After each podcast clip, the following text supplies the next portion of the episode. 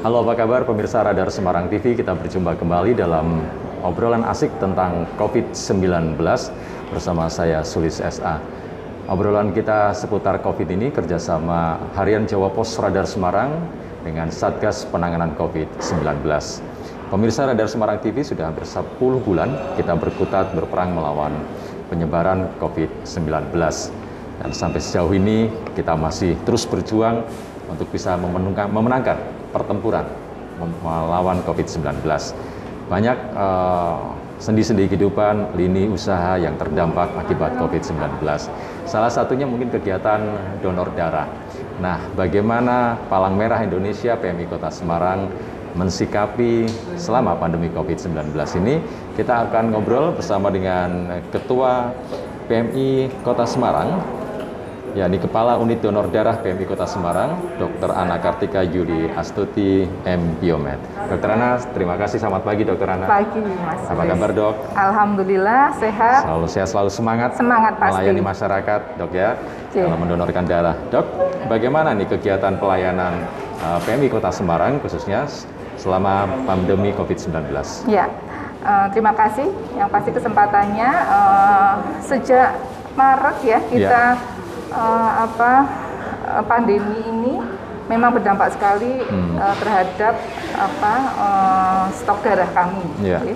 Dengan permintaan darah yang seperti biasa, Ya. tapi dengan eh, stok darah yang semakin hari semakin menipis ini. Hmm. Karena bagaimanapun juga dengan penerapan apa di awal kemarin yang ada apa eh, pengurangan aktivitas di Ya. kantor dan beberapa WFH ya. eh, di sekolah Ya. itu juga yang sebenarnya biasanya kami eh, bisa mobil unit di Nah. beberapa instansi sekolah eh, universitas ini sekarang off sama sekali nih. Hmm. Oh, tapi iya, memang iya. ada beberapa perusahaan yang akhir-akhir ini sudah mulai aktif Ya. eh, untuk mengadakan eh, apa kegiatan Hmm. donor darah Ya. tapi memang eh, biasanya kami eh, stok darah itu ke depan bisa sampai 4 atau lima hari. Oh, untuk tapi 4-5 sekarang hari ke depan, oke. ya, tapi sekarang hanya mungkin hari besok saja ataupun kadang-kadang ada beberapa golongan darah yang menipis sama sekali jadi kami Oh. harus eh, mengeluarkan donor pengganti Iya. begitu.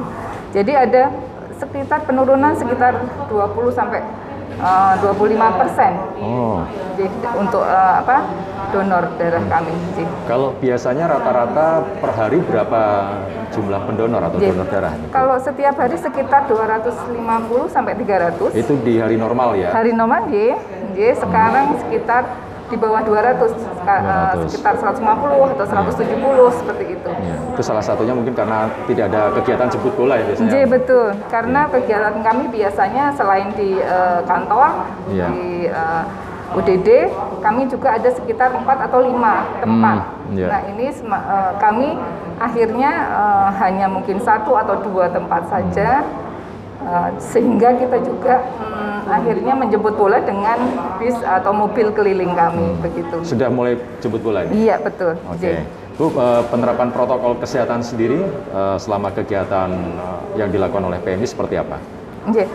Eh, untuk protokol COVID memang kami tetap menerapkan di eh, setiap kegiatan kami. Ya. Di UDD misalnya di kantor kami, kami juga ada harus cek suhu badan Ya. sebelum masuk ke kantor, kemudian kita lakukan cuci tangan Hmm. ataupun disin apa memakai disinfektan, ya. Ya. Kemudian eh, untuk petugas-petugas kami juga memakai APD. Iya. Kemudian eh, gedung apa namanya ruangan-ruangan kami juga rutin eh, kami semprot. Disemprot, begitu, Nji. Dokter, adakah eh, hal khusus atau treatment khusus yang perlu dilakukan oleh pendonor dibanding hari biasa atau selama pandemi ini? Nji.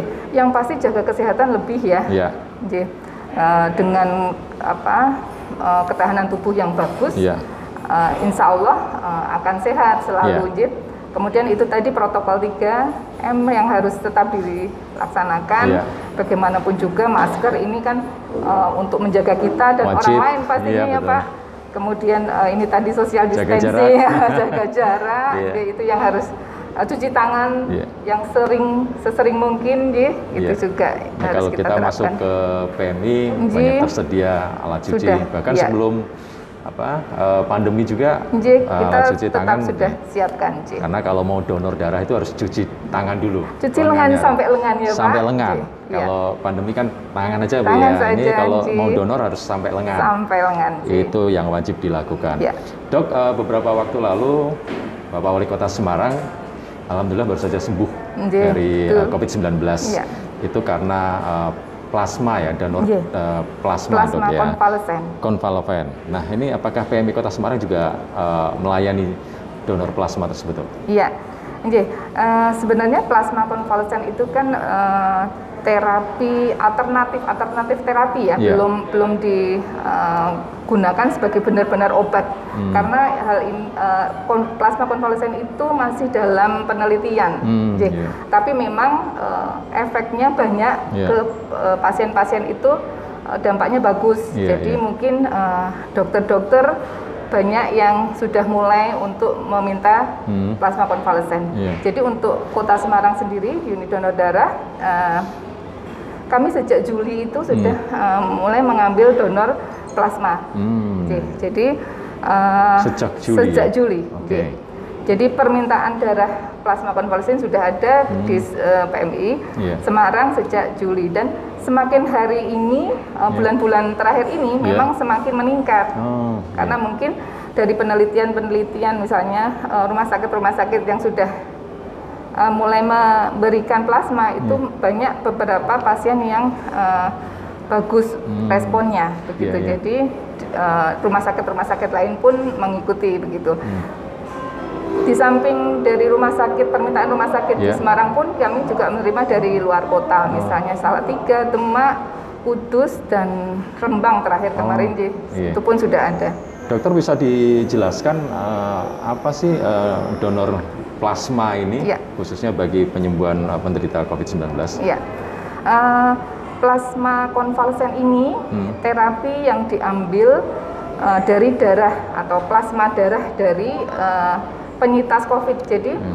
Kita ambil dari donornya ini adalah eh, pernah sakit tapi Iya. sudah dinyatakan sembuh, Sembuh. Oke. dalam jangka 14 hari dari swab negatif. Iya. Nah, itu bisa mendonorkan darahnya Hmm, iya, untuk kemudian nanti plasma itu diberikan kepada eh, pasien-pasien yang biasanya punya apa mm, apa ya eh, yang Di- kritis ya ataupun Iya, oh. sedang ke- sampai ke kritis. Oke.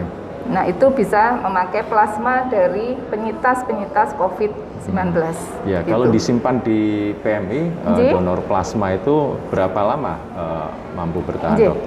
Kalau penyimpanan itu dengan posisi eh, beku, Iya. itu bisa kita simpan dalam min 30 itu bisa sampai satu tahun. Iya. Tapi untuk kondisi sekarang kami stok aja tidak sempat ini.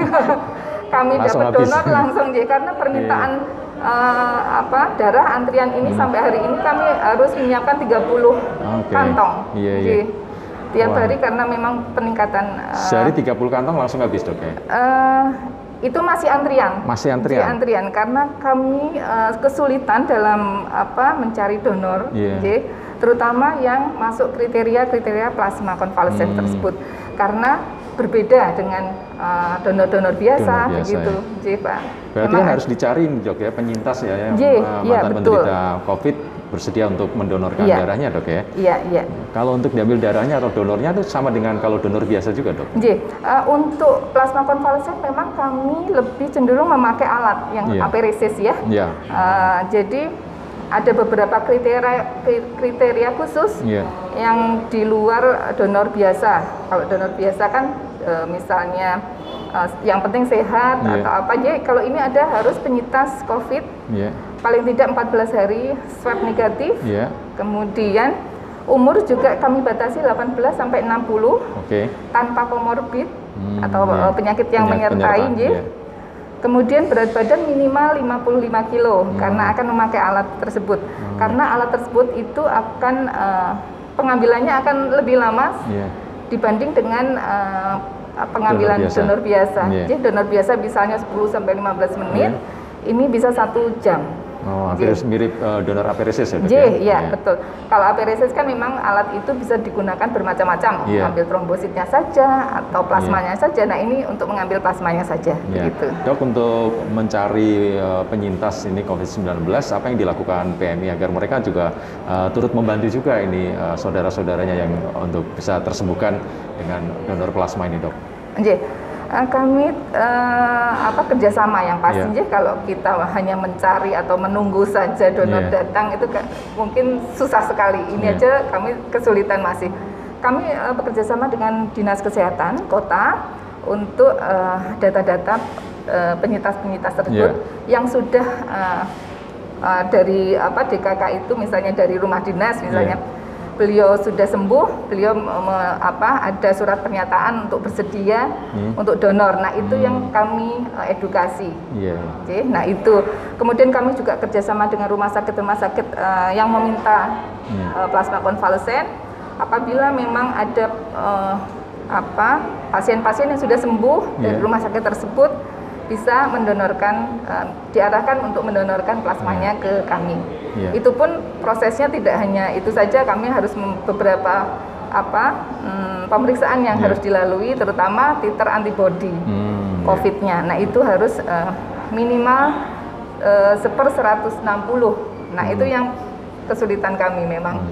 Dokter Ana eh, sejauh ini sudah berapa apa ini ya Betul, warga yang mendapatkan donor plasma dari PMI Kota Semarang? Oke, kalau dari bulan Juli itu memang kami kurang lebih sekitar eh, 90 orang. 90 orang. J, Oke. 90 orang.